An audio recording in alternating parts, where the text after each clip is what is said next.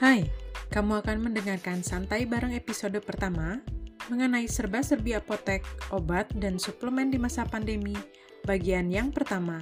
Selamat mendengarkan!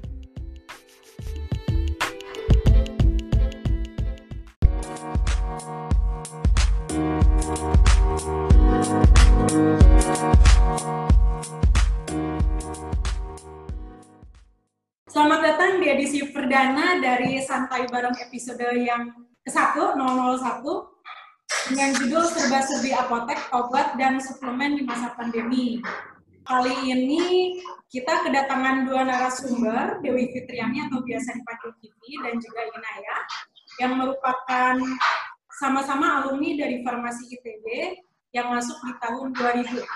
Sebelumnya saya perkenalkan diri saya dulu, saya Marina Natalia Tampu Bolon, salah satu alumni dari Farmasi Angkatan 2000 juga, Farmasi ITB. Kenapa sih ada virtual talk show ini?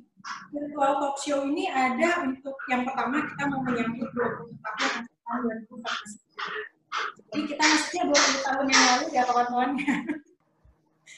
Lalu selain itu kita ingin sharing dengan bahasa-bahasa yang lebih sederhana mengenai kejadian-kejadian yang yang ada di uh, masa ini Selain itu, kita juga punya acara lainnya di channel ini, ada klip singkat yang untuk uh, sharing informasi-informasi penting.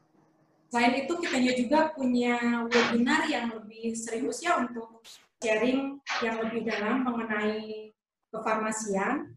Jadi untuk teman-teman yang sekarang sedang menonton live YouTube ini, silakan langsung di-subscribe aja channelnya FITB 2K supaya mendapatkan update dari video-video uh, dari Farmasi ITB 2000 lainnya.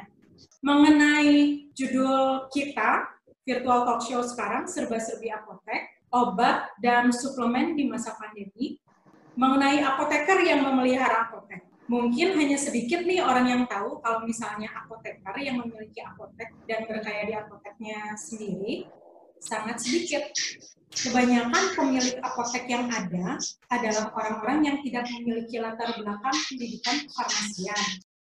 Dan di antara yang sedikit itu, ada teman-teman apoteker kami yang senantiasa berkarya melayani masyarakat di apotek miliknya. Salah duanya yang sudah ada hadir di sini untuk menjadi narasumber kita.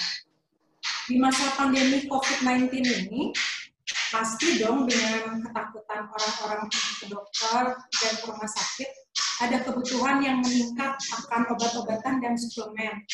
Jadi apotek ini bisa dibilang jadi salah satu pilar masyarakat dalam menjaga kesehatan. Bagaimana kisah para apoteker yang memiliki apotek berjuang melawan merawat apoteknya dan layanan apa saja yang disediakan saat pandemi ini? Ini yang kita pengen tahu ya di awal dari teman-teman yang sudah ada di sini narasumber kita dan saya ingin membacakan dulu sedikit profil dan perkenalan dari narasumber kita. Yang pertama, Mbak Dewi Fitriani atau biasa juga dipanggil Vivi. Beliau setelah lulus dari S1 farmasi ITB meneruskan ke apoteker di ITB juga. Kemudian di tahun 2006, oh sorry, ada S2-nya juga di farmasi ITB, nanti kita bisa tanya juga keahliannya di S2 atau tesisnya mengenai apa. Lalu tahun 2006, Vivi mendirikan Apotek Vito. Apotek ini sampai 2010, 2010 dikelola oleh Vivi, kemudian eh, kebetulan Vivi harus ke Amerika, sehingga di tahun 2011 dan 2014 bekerja di Oregon Health and Science University Hospital di bagian inpatient fourth and chemotherapy mixing technician. Ini mungkin perlu dis lebih disederhanakan kali ya bahasanya nanti biar kita um, mungkin nanti Mbak Vivi bisa langsung cerita juga. Dan ketika kembali ke Indonesia dari tahun 2015 sampai sekarang masih aktif di Apotek Selanjutnya sebenarnya kita ada satu yang mendadak nggak bisa datang, Mas Rido. Mas Rido ini sekarang sedang di Jombang, mungkin lain kali di kesempatan yang membahas apotek lagi kita bisa berdiskusi dengan Mas Rido dan dapat sharingnya dari Mas Rido. Dan yang ketiga, tapi sekarang jadi cuma dua, ini narasumbernya adalah Inaya. Saya sudah lama kenal dengan Ina ya. Sebelum masuk farmasi juga sudah kenal. Ini kebetulan mohon maaf sekali ya yang menonton uh, di rumah Inai sedang ada renovasi. Jadi ada background suaranya yang lumayan terasa terdengar. Setelah lulus dari farmasi ITB dan apoteker di ITB, Naya sempat bekerja terlebih dahulu menjadi pramugari, baru kemudian uh, berhenti dan mendirikan apotek Vita Medica di 2009. Beliau juga bersama Vivi juga aktif di Farmasi Learning Hub saat ini yang bekerja sama dengan Ikatan Apoteker Indonesia yang ada di Jawa Barat untuk melakukan pelatihan-pelatihan online. Ini kayaknya ini lagi mencari tempat sepi dulu ya. Ya, untuk teman-teman yang sekarang lagi menonton di live YouTube, saat diskusi ini berlangsung sampai jam 5 nanti, jika ada yang ingin ditanyakan, silakan langsung melalui live chat yang ada di channel YouTube ini. Kalau misalnya kepikiran apa, silakan ditanyakan, ditanyakan juga di live chat. Nanti kalau misalnya tidak sempat dijawab di sini, akan kita coba sebutkan untuk dijawab di kesempatan yang lain. Mungkin saya langsung masuk ke pemaparan dari Vivi dulu ya untuk apoteknya. Kalau boleh, minta tolong dijelasin nih dulu itu bagaimana sih mengenai sejarah pendirian apoteknya, mulai ada kapan, dimiliki oleh siapa saja, dan yang terutama bagaimana ya kondisi apotek selama masa pandemi ini dan dibandingkan dengan sebelum pandemi. Assalamualaikum, nama saya Dewi Fitriani, tapi biasanya dipanggil Vivi. Terus apoteknya namanya Apotek Vito Farmasi. Lokasinya di Cigadung. Apotek ini didirikannya ke tahun 2006. Nah, waktu itu belum lulus apoteker. Jadi, eh, apanya minta tolong dulu sama Kang, Kang Firman. Udah gitu, dulu awalnya kita kontrak di Ruko. Nah, tapi setahun kemudian ada minimarket yang dia mau dijual gitu. Jadi kebetulan uh, kita merging ke situ. Terus jadi apoteknya ini satu bangunan bersebelahan dua pintu dengan uh, minimarket. Aisyah dulu fotonya. Itu tuh udah dari tahun 2006 gabung menjadi minimarket dari tahun 2009 kalau nggak salah. Ya, jadi ini uh, daerah apoteknya, terus ini daerah minimarketnya. Oh ya, waktu itu sempat suami sekolah di Amerika, jadi kita ikut ke sana nemenin.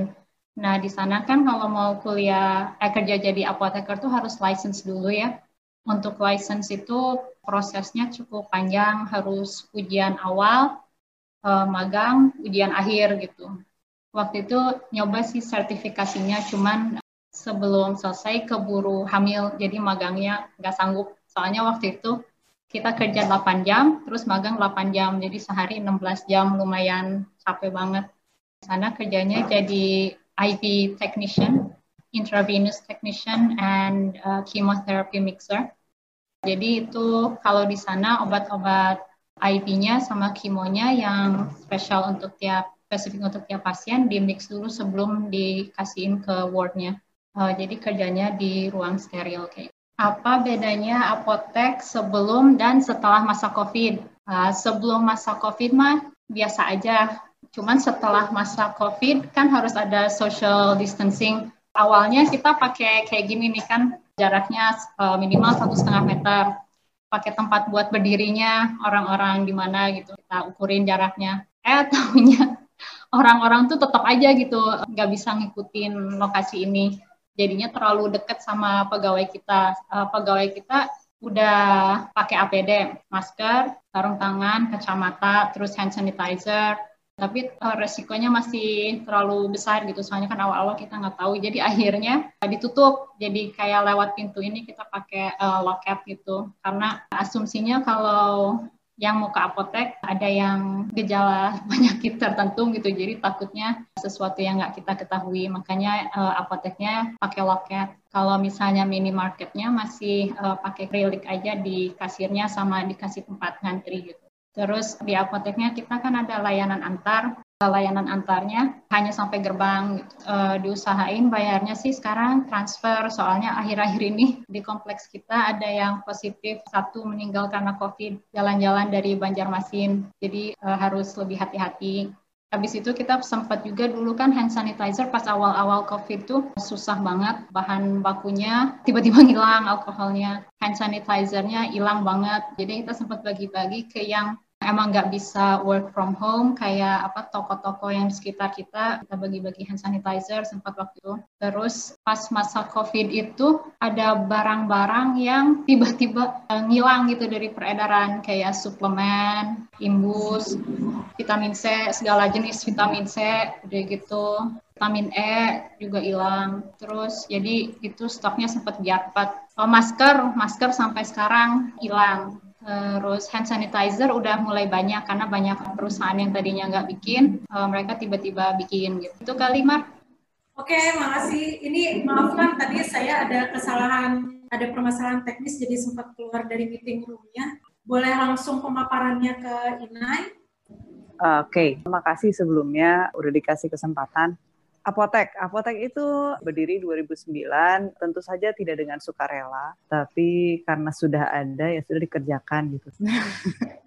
Terus COVID apa yang dilakuin selama COVID? Kalau gue, gue udah ngeliat dulu kalau misalkan di apotek gue itu anak-anaknya selebor semua karena dia selebor jadi percuma gue bilang suruh pakai lo harus pakai APD lu pakai sarung tangan lu pakai segala macam itu udah percuma akhirnya gue cuma bilang ya udah lo pakai sarung tangan awal-awal pakai sarung tangan lalu harus pakai masker lu wajib pakai masker lalu lu wajib cuci tangan berkala lalu lu wajib sanitasi menjaga higienitas dan segala macam lalu uh, beberapa SOP penerimaan dan pemesanan barang dan pembayaran juga gue ganti akhirnya dimodifikasi lalu apoteknya sendiri akhirnya ada screennya sekarang sepanjang meja pelayanan beberapa apotek itu dia memperkecil ruang gerak apoteknya. Tapi karena di apotek gue nggak mungkin jadi ya nggak bisa gitu ya. Paling gue pasangin screen doang gitu. Tapi ya kelihatan sih kalau ke sini ke sini tambah ke sini tuh orang-orang kayaknya kesadarannya makin tinggi.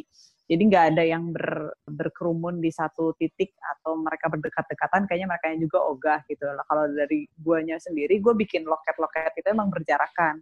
Jadi mereka mau di masing-masing loket pun lebih dari semeter gitu si lokasinya gitu. Memang benar kalau misalkan teman-teman sempat bingung kenapa sih kemarin-kemarin susah banget nyari vitamin kenapa sih gue nyari obat-obat flu itu susah banget gitu. Itu memang gak ada banget barang. Gue nyari ke mana-mana itu gak dapet. Lalu sedihnya waktu dapet, waktu katanya datang barang, katakanlah 1.500 box, itu habis dalam hitungan tiga jam.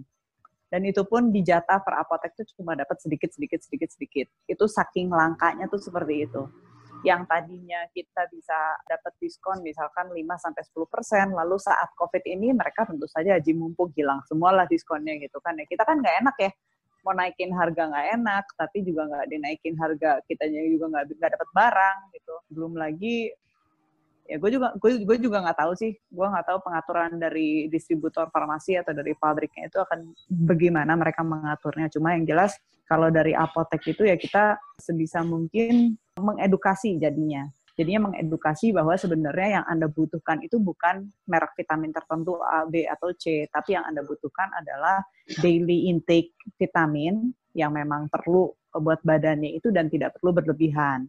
Kenapa? Karena akhirnya diceritain bahwa si COVID ini adalah virus yang sebenarnya karena dia dasarnya virus, tentu saja dia sangat-sangat bergantung sama daya tahan tubuh. Saat daya tahan tubuhnya baik, maka kemungkinan dia menyebar dengan katakanlah parah gitu ya, membuat parah di badan itu, ya jadinya kecil kemungkinannya dengan catatan badannya sehat, orang-orangnya sehat gitu. Nah kalau misalkan buat sehat itu nggak perlu kok kalau ada vitamin yang mahal dan memang mau gitu ya so boleh-boleh aja. Tapi kalaupun nggak ada yang yang mencukupi itu pun sudah oke okay, gitu. Tentu saja tidak bisa bergantung sepenuhnya pada vitamin. Tentu saja harus menjaga daya tahan tubuh dengan cara-cara lain makan yang baik lalu kebiasaan hidup yang baik dan lain-lain. Gitu sih. Kalau selama covid tuh bayangannya paling gitu ya. Kalau waktu lagi masa pandemi kayak gini ya yang covid ini dari masyarakat sendiri tuh ada yang ngeborong nggak sih sampai ngeborong gitu? pengennya sih pada ngeborong, tapi barang di kita juga awalnya nggak ada. Oh, okay. ada juga uh, kita jatahin gitu. Soalnya kan kalau satu orang bisa ngebeli terlalu banyak, nanti orang lain nggak kebagian. Uh, hmm. Jadi kayak tempat uh, misalnya enak saya cuma boleh satu strip atau enggak kalau yang besar kan nggak bisa dibagi berkelas. Jadi nggak boleh beli dua atau tiga kayak terlalu banyak. Jadi cukup untuk dia kerja dulu gitu. Kalau ya. kalau di apotek gue sih kalau memang pas ada barangnya lo mau beli sok-sok aja karena kan gue nggak pernah tahu dia anggota keluarga di rumahnya tuh udah berapa gitu ya berdasarkan pengalaman gitu mereka misalkan ada orang-orang yang memang sudah lanjut usia di rumahnya itu ada ada misalkan mertuanya atau pamannya itu tinggal bareng jadi gue juga nggak bisa ngebatasin mereka buat beli eh, yang selama masih wajar lah tiga empat masih gue kasih kalau botolan itu. Kalau misalkan yang setripan ya kalau mereka mau beli banyak selama gue ada ya gue bilang aja ada gitu kalau misalkan nggak ada ya gue bilang nggak ada bu adanya yang ini gimana? Gitu. Kita sih berusaha fair sih gue juga nggak mau nggak mau ngebatasin karena gue mikir kalau misalkan gue di posisi mereka pun ya begitu gitu kayaknya lebih enak aja kalau misalkan gue mau beli ya dikasih gitu. Kalau misalnya selama pandemi ini ada nggak sih yang misalnya datang ke apotek, oh ya nanya dulu nih, kalian kalian standby nggak ya di apotek setiap waktu atau misalnya ada apoteker yang standby di apoteker yang setiap waktu. Lalu apa ada yang datang ke apotek nanya-nanya mengenai kira-kira suplemen apa nih yang baik atau gimana sih cara mencegah penularan COVID ini? Uh, jadi kalau misalkan gue, gue standby, gue tiap pagi datang ke apotek. Religiously gue datang setiap pagi dan kalau memang kalau memang ada yang karena apotek udah 10 tahun sih ya. Terus akhirnya kalau orang-orang yang udah di sekitaran situ sih biasanya mereka udah punya nomor gue. Jadi kalau misalkan mereka mau nanya biasanya langsung WA, nanya gimana gitu. Dan kalau gue sendiri sih ada orang ngomong dikit tentang dia nggak ngerti COVID, gue langsung ceramahin tuh 5 SKP gitu. Eh, SKP, SKP, SKS. Lupa SKS. Kalau SKS, ya? SKP buat profesi, kalau anak kuliah okay. SKS. Iya, gue kasih tuh 5 SKS gitu kan. Gue kasih nih Pak, namanya COVID nih begini nih, lo ngatasinnya begini begini gitu. Dia mau dengar syukur, nggak mau denger ya udahlah. Cuma gitu. Anyhow, ya gue sih standby sebisa gue. Kalau misalkan nggak ada ya karena mereka udah lebih tahu dan anak-anak juga sering gue ajarin kan, jadinya lebih santai sih. Gak terlalu ini juga kalau ada pertanyaan yang terkait COVID atau terkait pemilihan vitamin, biasanya sih udah bisa di cover di situ. Dari Vivi? Uh, datang ke apotek, biasanya sih emang pagi, kalau ada waktu sore. Mereka emang sebenarnya nggak cuman, ya kalau musim COVID yang nanyanya suplemen gitu. Tapi kalau enggak sih di luar itu, terus ya obat-obat yang lain juga mereka udah mulai tahu gitu. Cuma pada bingung aja manggilnya ibu apotek. Jadi udah mulai agak dikenal tapi si profesi apoteker sampai sekarang masih dua masih kurang dikenal. Kadang ada yang manggil karena kita pakai uh, just lab, manggilnya ibu dokter. Oh gitu. Uh, disangkanya dokter. Padahal apoteker kemarin terakhir dipanggilnya ibu apotek. gitu. Iya, tapi kadang kita harus banyak ngejelasin sih kalau ya beda merek itu yang penting isinya sama gitu. Karena kan uh, ketersediaan vitamin sekarang nggak semuanya yang dia perlu itu uh, ada persis kayak gitu. Cuman kadang orang gitu terus kadang turuhan juga banyak susah dikasih pengertiannya gitu ini kalau misalnya kita ngomongin soal kekhawatiran orang sekarang-sekarang, kan katanya kita bakal mulai masa normal baru ya. Lalu kalau misalnya lihat sosial media nih, apaan sih normal baru? Gua nggak suka normal baru. Ini tuh cuma masa transisi doang ke normal kita yang dulu, gitu kan? Ada yang bilang gitu. Terus menurut kalian nih dari sisi farmasinya yang juga kan apoteker ini dekat dengan masyarakat ya, karena ada di apotek, apoteker yang dekat dengan masyarakat karena berada di apotek, bergaul juga dengan masyarakat. Ketika kita mau ke normal baru ini, apa sih yang perlu disiapkan sebenarnya uh, ya. oleh masyarakat? Ya, Vivi dulu. yang pertama kalau keluar pakai dong maskernya. Aduh, mau masker kain, mau selapis, dua lapis, tiga lapis, pokoknya pakai aja dulu maskernya gitu. Soalnya sekarang uh, masih ada yang apa ya keluar rumah tanpa menggunakan masker gitu. Uh, jadi belanja ke apotek, ke toko itu masih tanpa masker. Selama ini ya kita kasih ada masker, kita bikin dari uh, tolong dipakai atau enggak maskernya tuh hanging gitu di sini uh, apa kayak yang delivery gitu. Aduh Pak Punten uh, maskernya dipakai gitu.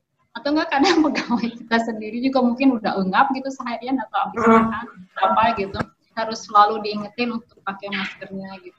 Soalnya kan kita nggak tahu orang habis dari mana, terus untuk menjaga droplet dari kita ke orang lain atau dari orang lain ke kita gitu. Terus sering-seringlah cuci tangan gitu. Jadi uh, kalau misalnya kita nggak bisa semuanya saat ini di tes apakah kita positif atau enggak, minimal kita menjaga diri kita masing-masing dan orang lain dengan precautions yang uh, memadai. Jangan membahayakan diri kita orang atau orang lain dengan menganggap bahwa there's nothing out there gitu. Ya sih, ada kata-kata bagus tentang menanamkan kesadaran baru itu selalu ingat bahwa kita yang bisa nularin orang lain. Jadi kita kan nggak mau ya, kita nggak mau jadi carrier gitu. Anggaplah kita terinfeksi, kita tuh nggak mau nularin orang lain. Nah itu yang yang sering gue ingetin juga gitu kalau misalkan di apotek uh, ya bu pak gitu pakailah masker betul pakai masker tapi sekarang udah jarang sih ya kayaknya 90% udah udah punya masker kalau sekarang gitu. Udah punya masker udah dipakai. Itu makanya masih nggak benar hmm. beberapa tapi ya kalau di apotek gue sih gue pasang poster 4 biji. Kalau nggak pakai masker nggak boleh masuk gitu kan. Kenyataannya gimana? Bisa dimarahin kan kagak bisa orang tinggal di belakang gitu kan. Posternya di depan. Udah masuk udah telat gitu kan. Tapi ya minimalnya minimalnya masang lah. Ya di pintu. Di terus uh, nah, udah terus ya akhirnya uh, tapi gue juga di di lain sisi mar. Bukannya gue nggak mau meningkatkan awareness masyarakat ya cuma kan kadang-kadang jadinya ada ada ada orang-orang yang malah jadi parno sendiri. Nah itu uh, hmm. eh, gue juga berusaha meredam dengan kadang-kadang gue tone down lah. Jadi apa namanya yang tadinya kita selalu pakai masker, kadang-kadang kita nggak pakai masker gitu, tapi kita nyalain eh, apa kipas angin, misalkan ventilasi yang baik gitu, supaya orang-orang itu ya lebih apa ya, bukan lebih santai sih ya, cuma nggak stres aja gitu. Ini ini kan kondisinya berat ya. Stres, stres ngaruh ya, ya ke imunitas ya. Dan ya, ya kondisinya karena berat. ini karena ini berat gitu buat bukan cuma buat ya buat kita yang di apotek mungkin relatif lebih ringan ya Vi ya. Terus kalau misalkan uh, buat orang-orang lain tuh kerasa banget berat ya kelihatan gitu dari dari pola penjualan di apotek juga itu bisa kelihatan sebenarnya ini masyarakatnya lagi berat nih kondisinya gitu. Terus salah satu yang bisa gua bantu adalah dengan menenangkan mereka juga bahwa ya memang COVID ini ada, COVID ini nyata anda itu harus berhati-hati tapi juga tidak parno dan tidak apa ya tidak lantas berlebihan juga enggak gitu. Karena kalau misalkan berlebihan itu jadinya mempengaruhi psikologi orang-orang di sekitarnya. Itu memang sih tidak ada kata berlebihan untuk berhati-hati tapi menurut gua kalau udah sampai tahap yang sampai parno sendiri itu ya kasihan orangnya juga gitu kalau menurut gua pribadi gitu. Makanya kalau orang-orang yang ini sih gue lebih santai sih gue ngajak boleh, mereka lebih santai juga. Boleh tau nggak naik tadi ngomong apa ya orang-orang kelihatan gitu. Ini saatnya yang berat kelihatan dari pola penjualan di apotek juga. Emangnya hmm. kayak gimana sih? Gini loh Mar. Kalau misalkan obat itu kan sebenarnya nggak bisa ditawar ya. Yang namanya hmm. obat itu bukan kebutuhan nggak kayak baju yang bisa dinantikan. Nah ada sih obat-obat. Sebenarnya tergantung lagi sifatnya tapi taruhlah uh, seperti itu ya. Nah saat orang-orang punya kemampuan lebih, saat mereka lebih lebih stabil, itu uh, pilihan yang bisa mereka ajukan. Jadi mereka pengen apa tuh lebih banyak gitu. Tapi saat mereka kayak kondisi sekarang, mereka tuh bener-bener fokus sama apa dulu yang diperluin gitu. Let's say uh, anaknya sakit ya udah anak gue sakit dulu gitu. Gue uh, misalkan suplemen buat gue nanti dulu misalkan gitu kalau hmm. misalkan dulu bisa beli vitamin itu buat buat anaknya misalkan anaknya tiga lo beli tiga macam gitu kan buat anak masing-masing satu sekarang lebih ke semacam aja buat semuanya yang penting sehat dulu gitu. Kayak gitu sih sederhananya mah gitu. Tapi ya, kurang lebih memang kayak gitu, gitu. atau kalau di apotek Vivi kerasa nggak? Kalau apotek gue kerasa. Kalau di apotek mah kemarin pas bulan Maret ya awal itu tuh omset naik double alhamdulillah. Karena orang-orang pada beli uh, suplemen dan waktu itu stoknya masih ada suplemennya. Tapi bulan Aprilnya udah mulai turun lagi. Tapi penjualan suplemen selama masih ada stok itu masih jalan.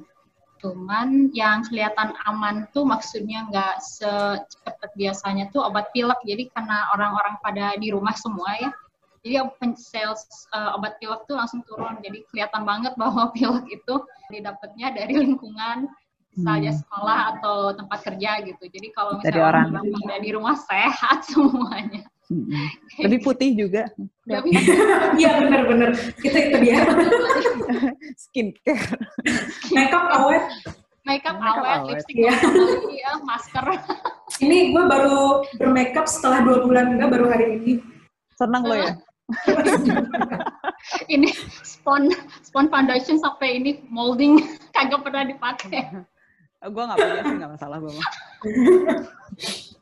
Kepikiran ini nih, mungkin kalau buat teman-teman ya yang nggak terlalu paham mengenai si kefarmasiannya ini, yang penting tuh ada informasi kapan sih mereka harus datang ke apotek ya? Kalau misalnya dalam situasi apa sih perlu datang ke apotek kalau misalnya obat atau misalnya obat-obat apa sih yang penting yang perlu disediakan gitu di rumah?